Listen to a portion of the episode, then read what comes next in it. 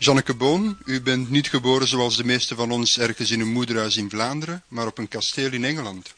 Hoe kwam dat? Dat was dus in, eh, in 1914, eh, met het uitbreken van de oorlog, van de Eerste Wereldoorlog. En mijn vader was heel bang van de Duitsers dus. En eh, mijn, hij zei, zullen, wij gaan vluchten, dus en we gaan naar Engeland. Maar mijn moeder was dus zwanger van mij. En eh, ik had nog een broer, twee zusters. Mijn broer was drie jaar en mijn, mijn zuster was er veertien en de andere was er zestien. En we gingen dus naar Engeland. En mijn vader moest dus op een, op een boot naar Frankrijk. De mannen mochten niet naar Engeland, die moesten dus gewoon eh, naar Frankrijk voor te werken. Maar mijn vader, die nogal clever was, zei nee. Want eh, mijn vrouw is dus zwanger. Ik ga dat hier arrangeren dat ik bij mijn huishouden kan blijven. Dat dat normaal is. En hij had dan hij had, had een beetje geld en heeft daar een paar mensen uitgekocht. En hij is op die boot van Engeland geraakt. Daarmee is hij kunnen met ons En op een kasteel van de eerste keer. en eh, aan de dingen, aan de bootstation van waar de boten kwamen, stond er dus zo'n schiesje. Hè, je kent dat van die, met die paardjes, hè. En ja, ze hebben ons meegenomen en dat was op een kasteel. Buiten, goed buiten Londen. En daar ben ik dan geboren. En de eerste jaren ook doorgebracht? Ja, tot eh, vier jaar. Vier jaar. Ja. En dan zijn we verhuisd naar een stad, omdat die kasteelmeneren en die madammen daar weg moesten.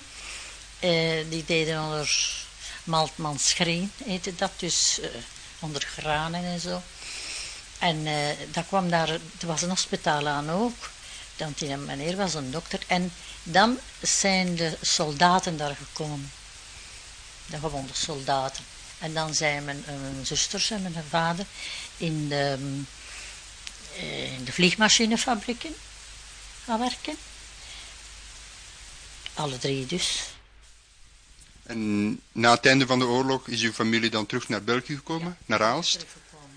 Het strafste verhaal uit uw kindertijd, vind ik, is dat u op school als straf eens wekenlang op kousenvoeten voor de landkaart moest blijven rechtstaan. Ja. Welke zware misdaad had u dan begaan?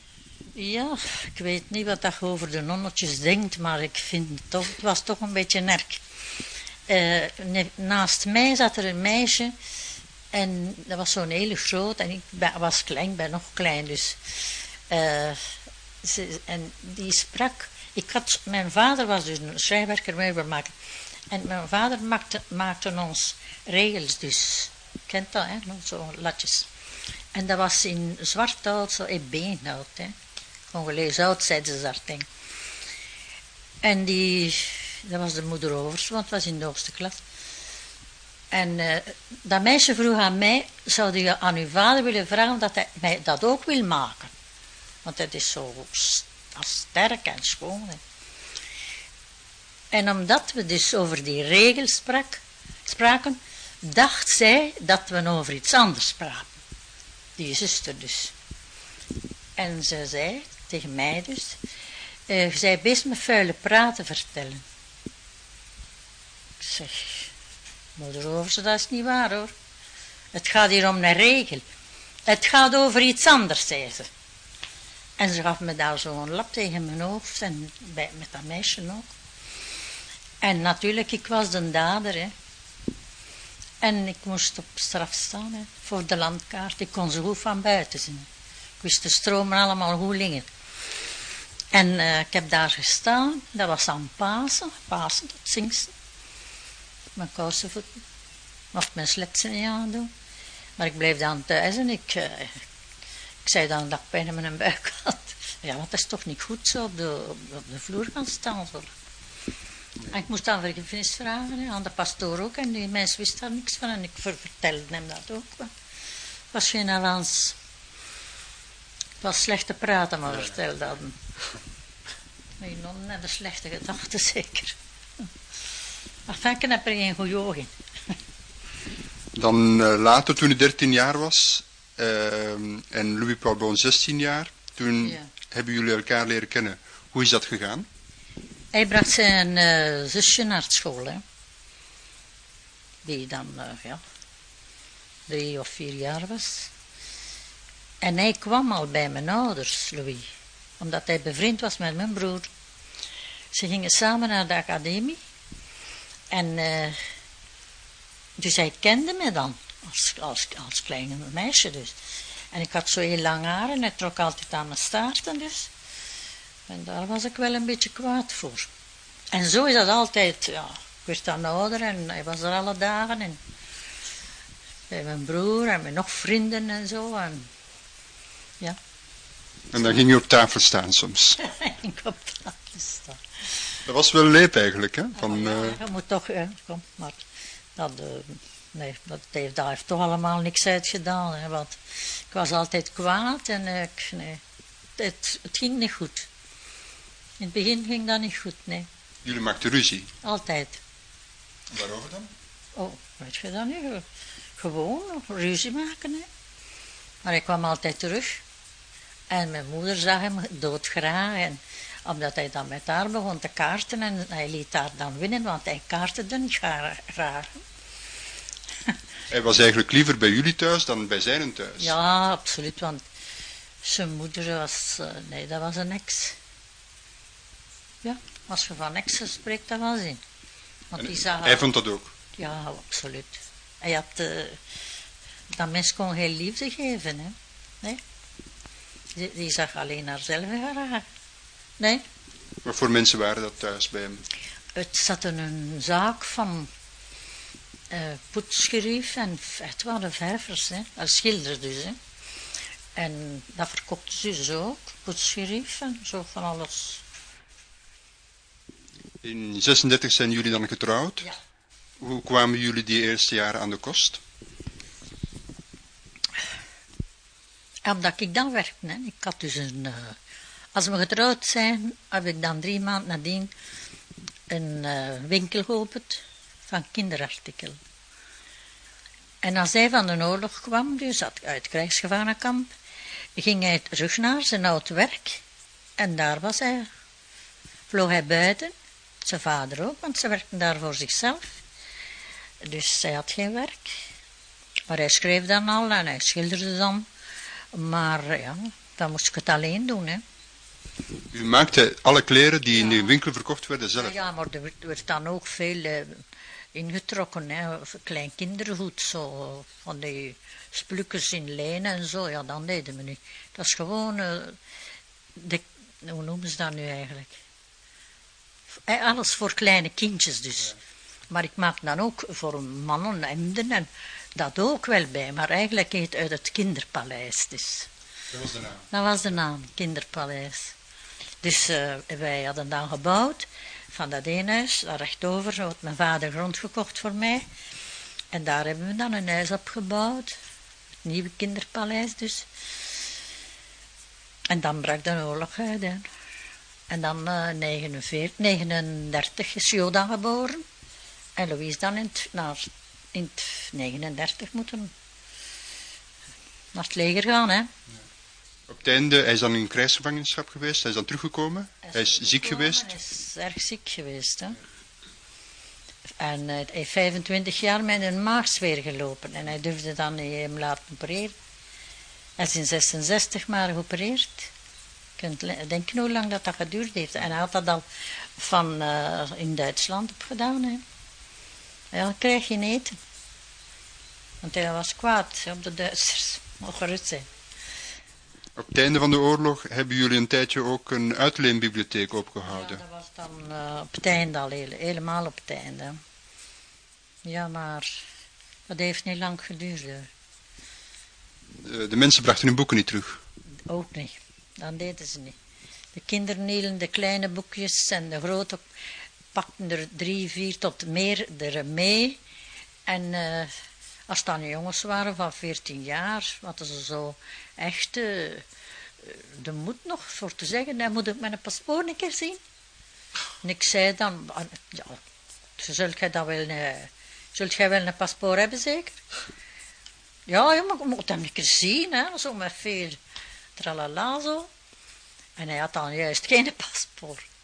En hij ging met de boeken weg en hij verkocht ze. En die gasten hadden allemaal geld, hè.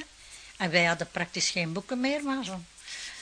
Maar ik heb het dan nadien, eh, mensen die dat eh, gekocht hadden, die wisten dat, we, dat die gasten het allemaal verkocht. En die hebben dan die boeken weergebracht. Maar ja, dan moesten ze dan ook een keer kopen. Hè. Want die mensen hadden ze ook gekocht. Ik moest mijn eigen boek terugkopen. Dat is eigenlijk tegengevallen.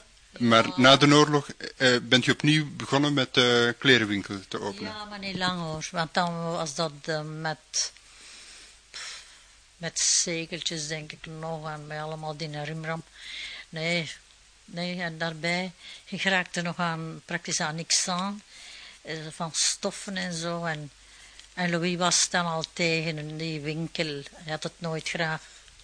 Dat Maar toch heeft u tot in de jaren 50 zelf voor het inkomen moeten eh, zorgen. Ja, ja, ja. Het is pas in de jaren 50 dat hij... eh, Ja, als dan begon het al goed te gaan. Dus, maar dan waren we al verhuisd. Hè. Woonden we al in de Vrastenstraat. eh, toen hij na de oorlog zijn belangrijkste boeken schreef, had hij in Vlaanderen, in katholiek Vlaanderen, de reputatie van een vuilschrijver te zijn. Ja. Er was hier ook zoiets als een embargo tegen hem. Ja. Leed hij daaronder? Nee. Nee, want ik ben eens in een boekhandel geweest en hij had dan uh, Abel Golaerts geschreven. En ik zeg, zouden mij het boek Abel Golaerts kunnen geven, maar dat was een katholieke winkel, dus ja, een boekhandel, hè. En, en die, dame keek zo naar mij, zegt, maar mevrouwtje, jij weet je dat zeker niet, dat in een vent, dat die op de, in de ban van de Heilige Kerk geslagen is. Zeg, wat zeg je nu? Maar ik zei niet wie dat was, hè. Ik zeg, ja, is dat echt waar? ja, ja, dat is waar, zei ze. Kan ik u iets anders verkopen, zei ze, want wij hebben dat niet. Maar ik wist dat ze dat wel hadden, want ze hadden dat onder hun tong. Maar niet, nee, ze hadden mij niet gegeven. En ze konden het me nogthans niet, hoor. Maar ze zegden me, dat ziet daar een braaf kind uit, ze mag dat nog niet lezen. dat denk ik, Terwijl hij het waarschijnlijk zelf, zelf getypt had. ja, onder andere. Want hij schreef zijn eh, teksten, maar hij typte ze nooit. Het was u die... Eh, in het begin zo wel eens, maar eh, het was ik meest die ze aftypte. Hè. Ja, want dat deed hij niet graag. Mijn vingeren zijn te dik, zei. Dat was niet waar, maar hij deed het niet graag. Schrijven, afgelopen. En u verbeterde soms ook dan nog wel Ja, eens. de Herlezen. drukproeven, de drukproeven ook. Dat was, hij schreef het boek en daarmee moest het gedaan zijn. De rest mocht ik dat wel doen. Maar ik moest er mijn, mijn, werk dan toch ook mee, eh, tussen doen, hè? want de mensen brengen dan eh, iets voor te maken en zo. Als het dan allemaal eh, goed ging, dan had ik natuurlijk, als hij dan begon goed te verdienen, zijn boeken liepen toch goed, dan had het al een beetje minder, moest ik al wat minder hard werken, hè? maar het was in elk geval een harde tijd. Hij begon te verdienen ook omdat hij als journalist werkte. Eerst bij de Rode Vaan en daarna bijna 20 jaar bij Vooruit. Van 54 tot aan zijn vervroegd pensioen in 72. Op die rode vaan, daar verdiende hij veel en ik had het niet graag ook niet. Ik had niet graag dat hij daar werkte, maar ja, je moet toch iets doen hè, als man. Je kunt toch de vrouw niet altijd laten ervoor opdraaien. Dus hij heeft dat wel aanvaard, omdat eh, een vriend van hem daar ook werkte. En eh, zegt, ga met mij mee. Ze hebben daar mensen nodig. Maar je moet dan natuurlijk zien dat je schrijft over, eh, ja, voor de communisten. En, Maar Louis deed dan eigenlijk het geestesleven. Maar als het altijd moet over de communisten zijn. Ja, Hij was geen communist. Bah, zou hij, zou hij, hij was hij geen communist. Een anarchist zeker.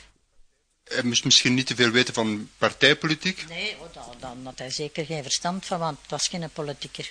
Absoluut niet. Je hebt uw eigen gedachten, en- maar daarmee...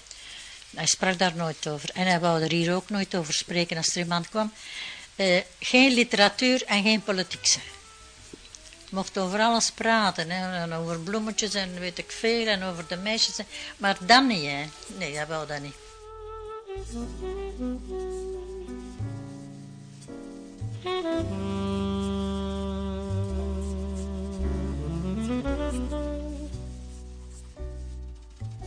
Janneke Boon, vanaf 1972 werd uw man door Vlaanderen en Nederland voorgedragen voor de Nobelprijs Literatuur.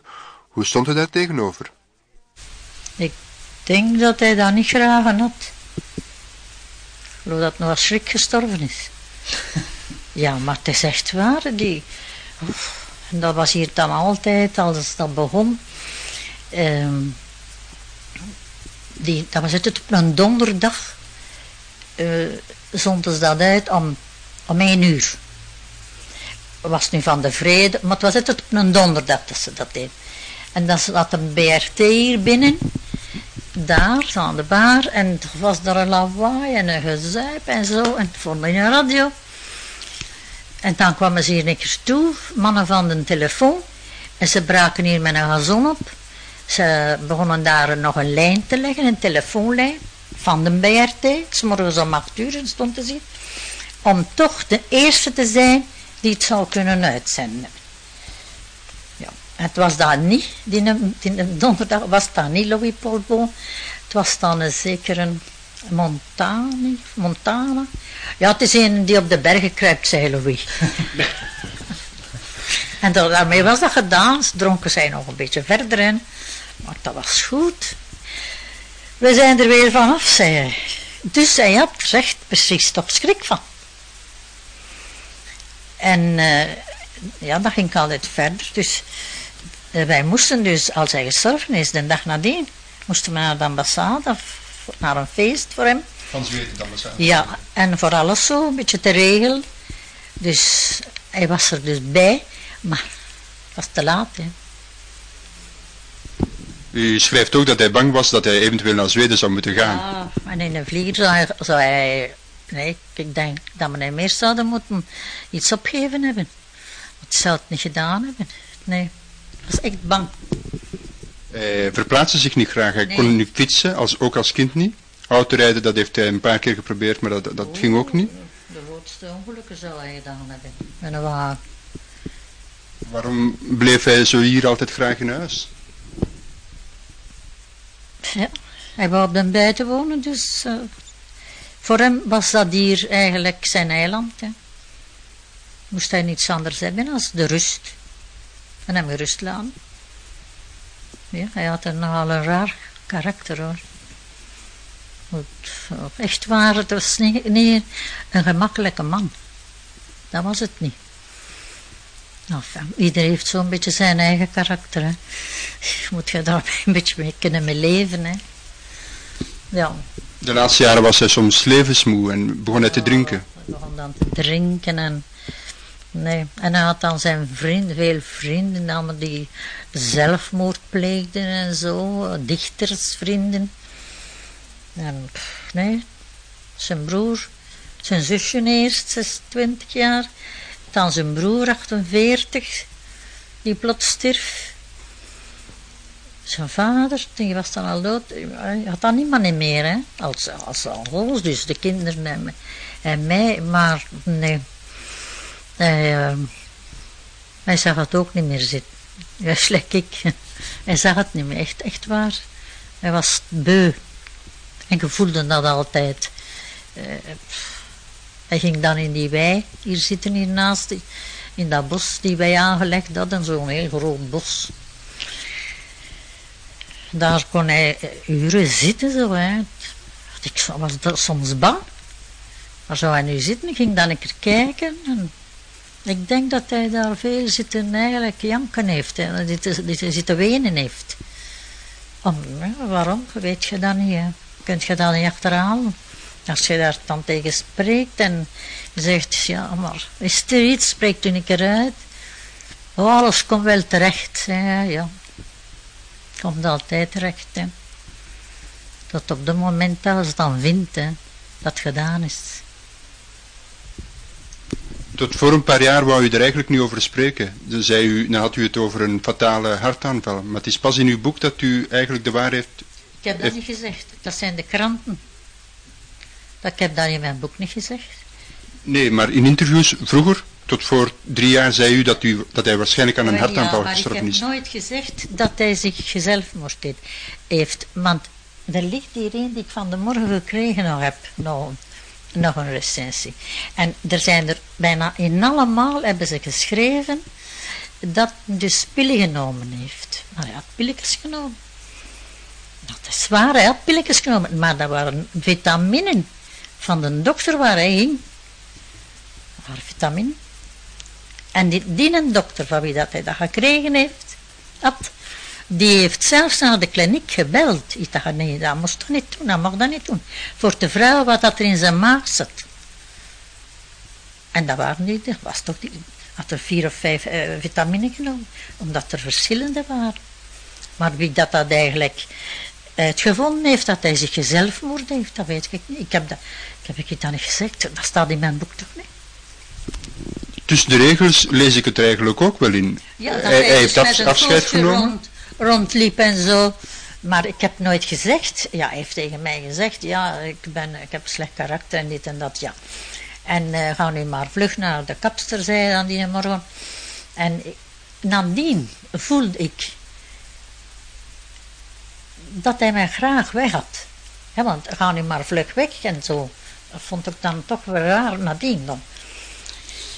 En ja, dat hij af en toe met zo'n koordeken. Och jongens, zo dik. Daar kunt u niet mee ophangen, hè, want hij was al zwaar, was zwaar. En ja, misschien hebben de mensen dat daar dan wel eh, tussen de regels gelezen. Maar eh, eigenlijk gezegd dat hij zich zelfmoord heeft. Nee, dat heb ik niet gezegd hoor. Was dat erg genoeg? Twee teksten. De eerste komt uit de Memoires van Janneke. Op het einde was Louis echt levensmoe. Al zijn familieleden en vele goede vrienden, zoals Jan Walravens, Gaston Burses, Paul van de Velde en Leo Driege, waren overleden. En hij had het gevoel dat hij als het ware alleen overbleef. Louis was toen veel met de dood bezig. Hij wou precies weg zijn. En ook het feit dat hij geen seksuele verlangens meer had, baarde hem grote zorgen. Dat doen wij al lang niet meer, hè, kind? zei hij eens. En hij trok zijn broek af en liet me zijn onderbuik zien. Ik schrok, want het was daar helemaal blauw van de littekens, van zijn liesbreuk, en zijn penis was precies krom gegroeid. Ach jongen, heb ik toen gezegd, trek het je niet aan, je weet dat seks voor mij niet hoeft, als we elkaar maar graag zien. Bah ja, antwoordde hij en we dronken een druppel. Een paar maanden voor zijn dood heb ik Louis gevraagd de kaarten voor mij te leggen. Hij was zeer bedreven in de tarot. Aanvankelijk weigerde hij, maar na lang aandringen deed hij het uiteindelijk toch. Hij voorspelde me toen dat ik iemand ging verliezen die ik graag zag en dat ik nog veel zou schreien. En twee maanden later was hij inderdaad dood. Zijn laatste dagen staan echt in mijn geheugen gegrift. De maandag voor zijn dood is Lucien nog met Louis naar dokter Leconte gereden en zijn ze daarna bij iemand op bezoek gegaan die Louis inlichtingen kon verschaffen over de familie De Vis, die een grote rol speelde in het boek De Kasteelheertjes, waaraan Louis toen werkte.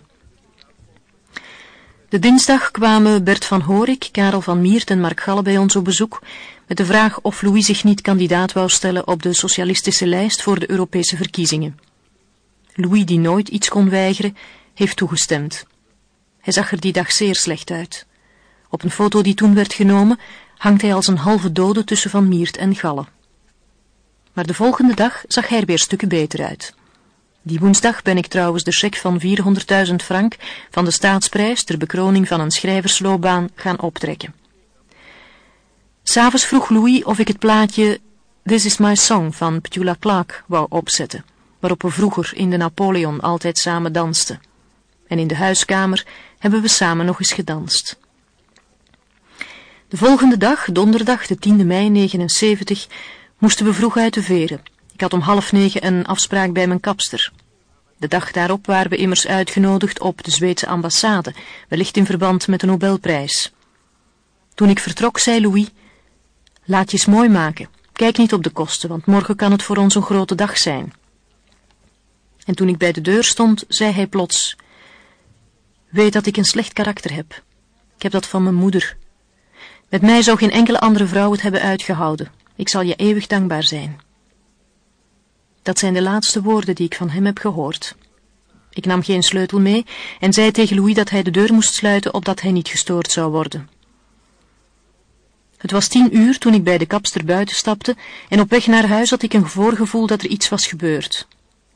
Ik dacht voortdurend aan de laatste woorden van Louis en zat te daver achter het stuur van mijn auto. Thuisgekomen klopte ik aan, rammelde met de klink, maar Louis kwam niet open doen. Ik ben al langs de zijkant van het huis naar zijn werkkamer gelopen en zag hem op de grond liggen. Eerst dacht ik dat hij misschien wat te veel had gedronken en gevallen was. Ik bonkte op de ruit, maar hij reageerde niet. Ik heb toen een grote asbak genomen die buiten op het terras stond en heb er het raam mee ingeslagen. Al jankend ben ik binnengekropen. Ik nam Louis vast, ik riep tegen hem, maar hij was dood. Ik heb de vinkers gebeld. Lucie zei dat ze direct zouden komen, dat ze Jo en Lucien zouden verwittigen en dat ik de 900 moest bellen. Enkele minuten later waren de vinkers er. Frans is beginnen pompen op de borst van Louis en hij is ook met de ambulance meegereden naar de kliniek. Toen ze Frans van de kliniek terugbrachten, had hij een gekneusde rib, zodanig hard had hij op de borst van Louis gepompt. In de kliniek heeft men ook vastgesteld dat Louis pillen had geslikt. Maar of het nu de pillen van zijn dokter waren of andere, zullen we nooit weten. De tweede tekst komt uit een interview met Janneke Boon dat tegelijkertijd in De Morgen en in Vrij Nederland verscheen. Ik citeer. In haar memoires is ze ongewoon eerlijk en openhartig. Dat is ze tijdens dit interview ook, misschien zelfs nog iets explicieter. Ja, antwoordt ze, na een keer of wat diep adem te hebben gehaald, op de vraag of het afscheid van Louis-Paul Boon een afscheid is à la Roger Serra, Jean-Émile Dalen of Jotit Hoofd. Vrienden van het echtpaar Boon die zelf het ogenblik hebben bepaald waarop ze niet langer wilde leven. Ja, herhaalt ze dan nog een keer, ook Louis heeft in die zin afscheid genomen.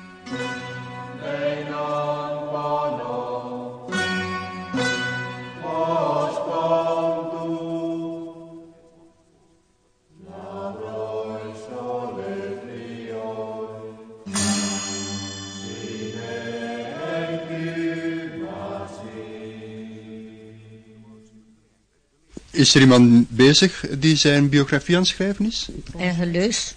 Erwig Leus. Ja. Allee, ik denk dat hij er aan bezig is. Hij, hij had toch die opdracht gekregen. Maar eh, ik zie ik hem niet meer. Hij is in Brussel gaan wonen, dus ik zie hem niet meer. Anders zei hij toch veel. eh, kan, met dat boek was hij er alle dagen, omdat we dan veel werk hadden. Hè. Je hebt er toch werk aan. Hè. En, eh, maar nu is zij weg. Hij is hier afgebold, zijn vrouw achtergelaten. Hij naar Brussel gaan wonen. Enfin, dat is zijn zaak. In zijn biografie zal er waarschijnlijk wel een apart hoofdstukje gewijd zijn aan de fenomenale feminatheek van Louis Parbon. Oh ja, ja, ja, dat zal wel. Dat was een verzameling van foto's van blote meisjes van over de hele wereld. 24.000 had hij er. Ja. Hoe stond u daar tegenover? Maar heel gewoon. Soms zat ik, dan zat hij hier. Zat ik soms een keer naast hem. Maar dat waren allemaal geen blote meisjes hoor. Dat waren dus eh, van alle rassen. Oh, en eh, beha- behangen met juwelen en van alles zo. Maar natuurlijk f- meer bloot als anderen, maar eh, toch gaat bruine, gaat eh, eh, enfin, van alle landen. Had hij, had, had, had hij foto's. Ja, die 24.000, dat is al een heel pak, hè. U ging met hem mee naar Sluis en zo. Ja, ja. Maar ja, hè. moest toch rijden, dus. Het was een keer- een uitstap. ja, maar ik trok me dat niet aan, hoor. Nee.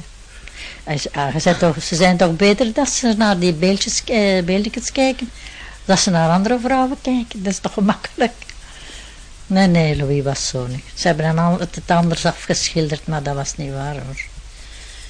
In feite was dat een hele brave jongen, maar ja, zie tegenslag en de moed laten zakken en wat kent jij daar eigenlijk?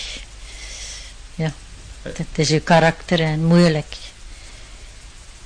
Hij kon wel ook soms heel grappig zijn. Hè? Je Maar moet ja. wel wat afgelachen hebben met hem. Maar ja, hij kon feestjes opzetten en eh, van alles. En eh, vaarwel aan de literatuur, vaarwel aan dit en allemaal dingen. Hij liet hem dan zo'n baardje zitten, gelijk de jonge mannen, en, of, een snorretje, gelijk Salvador Dali of zo. Dat, deed, dat kon hij allemaal.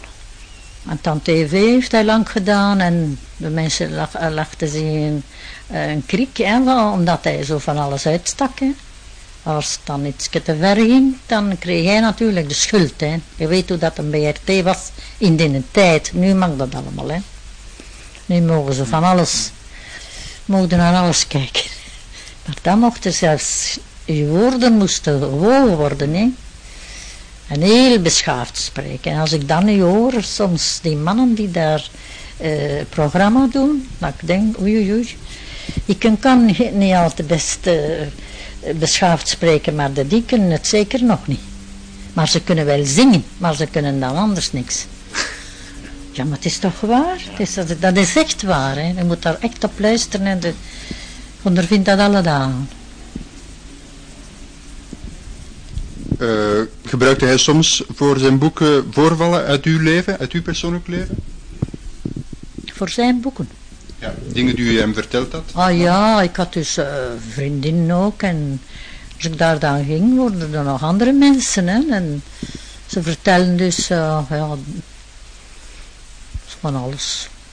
En ik kwam dan thuis en hij zei, ja, wat heeft de Lucieke verteld? Dat was een, de vrouw van een tandarts. En dat was een hele plezierige en die had altijd zo'n of ze had dat tegengekomen of had hem daar geweest. Ik vertelde dat dan allemaal hè. en hij, ja, hij maakte daar gewoon eh, gebruik van. Van hetgeen dat ik allemaal vertelde of als er een iemand bij mij kwam ook, ja, vertelde veel. In de kapelkensbaan liet hij doorschijnen dat u veel van zijn materiaal heeft aangebracht, zoals u vertelt. En dat u zelfs een sleutelrol had in de tot stand- totstandkoming van dat boek. Was u zich daar bewust van op dat moment? Ja, omdat ik het natuurlijk las. Achteraf. Ah Ja, maar ik, ty- ik typte het af, dus ik wist het altijd al, hè. Dat erin stond. Dus eigenlijk was het een samenwerkende vennootschap. Ja, eigenlijk wel, ja. Ja, ja, maar dat ging heel goed. Hij schreef dus, ehm, en ik nadien, als het zo al een beetje bij elkaar was, dan begon ik eigenlijk te typen, want ja, tenslotte moest ik ook nog ander werk doen, hè. Ja, dat ging ik allemaal eerste klas, dat was allemaal in orde. Een ander voorbeeld van de invloed die Janneke Boon soms uitoefende op het werk van haar man komt uit Menuet. Op een dag had Janneke een ongeluk. U hoort eerst hoe zij dat voorval beschrijft in haar memoires, dan wat Boon ervan maakte in Menuet. Toen we nog in het rattenhuis woonden, ben ik op een dag bijna verongelukt. Achter ons huis lag een grasplein en daarover was een waskoord gespannen waaraan de huisbazin haar was liet drogen en bleken. Daarachter lag een grote hof die door haar man bewerkt werd en bovenop de helling hadden we een lapje grond waar we groenten kweekten. Elke avond fietste ik de helling op om groenten voor de volgende dag te gaan halen.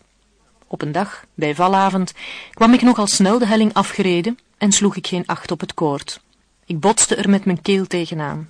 Ik ben gevallen en verloor het bewustzijn. Louis stond aan de voordeur met de buren te praten en rond half elf, het was zomer, werd hij ongerust en ging hij me zoeken. Hij vond me met een gemene rode striem op mijn keel. Ik kon moeilijk slikken en alleen wat kreunen. Louis bracht me naar huis, liet onmiddellijk de dokter komen, die zei dat ik moest proberen veel te slikken.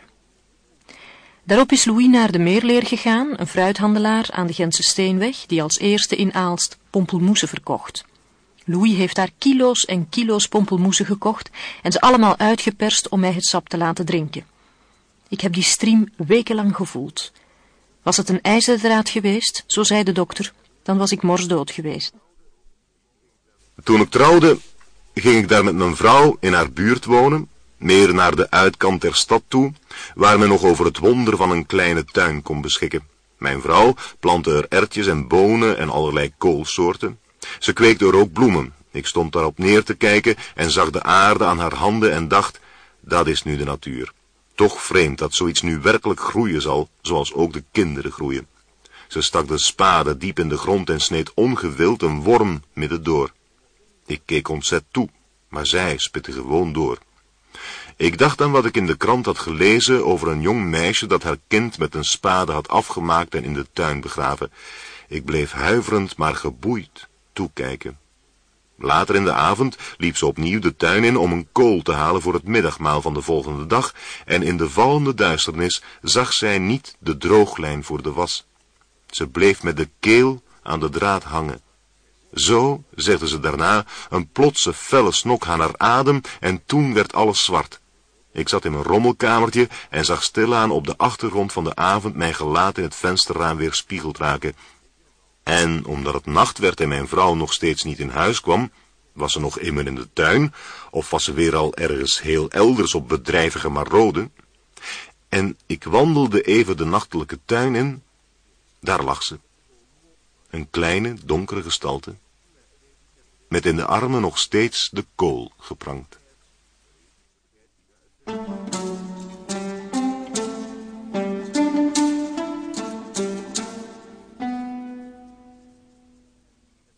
Leest en herleest u nog zijn werk nu? Ja, ik heb laatst nog een boek gelezen.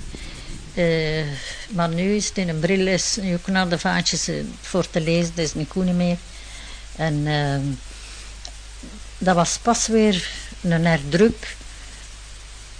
En daar hebben ze niet veel eh, over gepraat. Maar nu weer, praten ze daar wel over. En dat was uh, niet schaten onder. En ik vond dat een heel, heel triestig boek, maar een heel mooi boek. Echt zo, uh, ja. Lekker als het gegaan is, misschien wel bij, bij ons, ik weet het niet. Misschien een, zo, een, ik weet niet of dat dat kent, dat boek. Niet schaten onder eten. Zal ik moeten lezen dan? Ja, je dat dan moeten lezen. Ja. Is dat zijn mooiste boek volgens u? Of, uh... Het is een van die mooie, mooie, maar voor mij is de Kleine Oorlog en Minne Wit nog altijd het mooiste, het mooiste eigenlijk. En dan zijn sprookjes, die vind ik, vind ik ook altijd mooi. Zijn grimmige sprookjes en, uh, en uh, wat is het in Wonderland. Ja. ja. U had het over uw ogen, u heeft staar gehad en u bent eraan geopereerd. Hoe is het nu met uw zicht? Die is goed nu, maar het is toch ook minder... Ik zag daar bijna niks uit, uit die oog. En dat is verleden jaar gedaan, in juni geloof ik. Juni. Ja, want de kinderen zijn dan nadien naar prijs gegaan. In juni. En ik heb daar vier dagen geweest in het instituut Modern in Gent. Je weet daar aan het station, een beetje in die villawijk. En uh, de dag nadat dat gedaan was, trokken ze dat spul daar en ik zag zo goed als ik vroeger gezien had. En dat was toch voor mij zo, hè, ja. Maar die oog, die was uh, vier jaar ervoor gedaan. En daar zit ik mee te sukkelen, hè. Daar is ook een lens in. Maar die staat helemaal van voor, dat zei in een dokter. En die is zwaarder en zit van achter. Dus die zitten hier tegen elkaar op te boksen en willen niet bij afwas hebben met, met elkaar geen zaken. Maar daarvoor heb ik dus een bril. En nu is die bril niet meer goed. Hè. Ik heb in december nog eens naar Gent geweest. En dan heeft hij tegen mij gezegd, dokter, luistert, uh, ik zal die oog dus, die lens, ik zal daar met de laserstraal op zitten. En we zullen dan een keer uh, verbeteren. Dat, dat dat sterker wordt. Maar dan heeft dat dan niet gedaan. Dus na, nu gaat naar paasverlof bij hem weer. Hè. Dan moet er iets aan doen, want het is geweldig moeilijk eigenlijk. Je ziet niks. En lezen uh, moet ook een nieuwe bril hebben. En die moet ook weg, want dat is uh, een moeilijke bril. En uh, een bril mag toch niet moeilijk zijn. Hè? Nee. Ik zeg dat altijd tegen mijn kinderen. Ja, maar ik was dan een keer zien en dan een keer zien. Ah, wel, nou zullen ze met mij een keer naar Gent gaan. Hè? Bij die dokter. Maar hij is aan het verhuizen, dus nog een beetje wachten. Je zult het nog wel vinden, zeker? Ja, maar hij, hij gaat juist naast het instituut wonen, dus dat gaat makkelijker zijn. Een laatste vraag. Hoe was eh, jullie dagelijkse leven zo? Een, een, een dagindeling van een gemiddelde werkdag vroeger? Eh, ja, ik, eh, we stonden samen op en ik maakte de koffie en wij ontbijten zo. Eh, een tas koffie, hij dronk de caffiné dronk hij. Ik dronk eh, nooit koffie, ik dronk altijd thee en ik drink nooit koffie, nooit. Ik ben een Engels en een half een Engelsman, dus ik drink altijd thee, nooit of nooit koffie. En eh, soms dronk hij, ook, dronk hij ook wel thee. Maar eh, als hij dan naar zijn, naar zijn studio ging, dan deed hij een pot koffie mee. En dat was altijd maar koffie drinken en roken en roken en roken. Ja. En dan eh, deed ik mijn werk, ja, met de sop en zo. En kuis, een beetje kuis, want er kwam iemand voor te kuisen. En dan eh mijn eten gere- gereed zetten. En als het dan, dat was dan negen uur, half tien. En dan ging ik naar mijn werk eigenlijk. Ja. Bij hem in de studio. Hij zat hier en ik zat aan de andere kant met de schrijfmachine. Dus En hij dat- schreef en, en u typte Ja, maar andere dingen. In dezelfde ruimte wel. ja, ja. Ja. Maar was hetzelfde boek, hè. Dus eh, hij, hij had dus al zo, zo pakjes uh, afgeschreven, dus, hè. En ik typte dat af. Wat is er met die handschriften gebeurd nu? Dat is bij mijn zoon. En er zijn er misschien ook wel in Antwerpen, in het, dat is daar, hoe heet dat nou? Letterkundig eh, museum of zo. het wooncentrum. En ik denk dat er daar ook wel zijn. Misschien hebben de kinderen dat dan gegeven, maar de ik denk toch dat ze er nog, nog veel moeten hebben ook. Want er zijn al, ze hebben met pakken en pakken thesissen van mensen, jonge mannen of, eh, of de jonge dames die dus eh, na een, voor hun studies moeten een thesis schrijven. God, en dat, dat moet kinderen ook allemaal zijn. Ze sturen dat dan door, hè, de kinderen. Soms krijg ik dat hier. Als ze een adres niet weten en ze weten toevallig mijn. Maar het meeste gaat bij de kinderen. Ik Dat moet wel plezier doen dat u Ja. ziet dat jonge mensen nu nog altijd het Oh, werk ja. lezen. Oh ja, veel. Er wordt veel gelezen. Vermindert tr- trouwens niet, hè? Nee, en er wordt nog veel herdrukt ook. Was u er eigenlijk bewust van dat hij eigenlijk eh, een genie was? Hij deed dat heel gewoon. Mocht dat aan hem niet zien. Nee. Maar nee. Had graag dat er mensen kwamen zo. En eh, ons, dus, ons kind- mijn, mijn eh, zoon had vrienden en zijn- vrouw had vriendinnen en vrienden. En dat kwam hier allemaal toe en er werd gebetankt en er, werd, er zijn er nog die met een vijver gesprongen zijn. Onze jonge mannen. S'nachts om drie uur, ja, maar... En hij had dat allemaal graag. Onze Jo was daar wel kwaad voor, hoor, dat ze dat deden. Want hij zei, eh, morgen zijn al uw vissen dood, zei. Maar eh Louis trok hem dan niet aan, hij, was, hij had dat allemaal graag. Mist u dat, dat eh, het volk over de baan hier nu? In het begin wel, maar ik heb eh, daar een, een hele goede les uit getrokken. Ze kwamen ook, er waren heel veel profiteurs bij. Hè.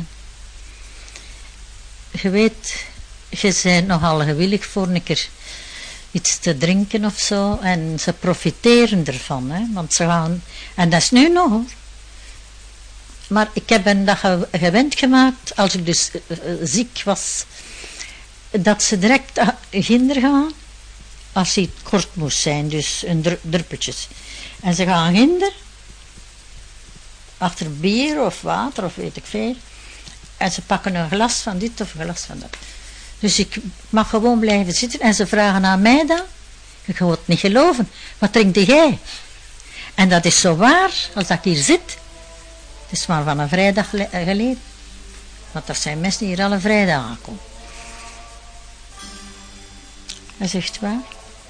Wat drink jij, zeggen ze. En dan als ik zeg ik, ja, ik drink nee, of ik ga mijn tas maken of zo. Het is raar, hè, het is, het is de waarheid hoor, het is niet geloven. Ik heb zo mijn klanten, hè.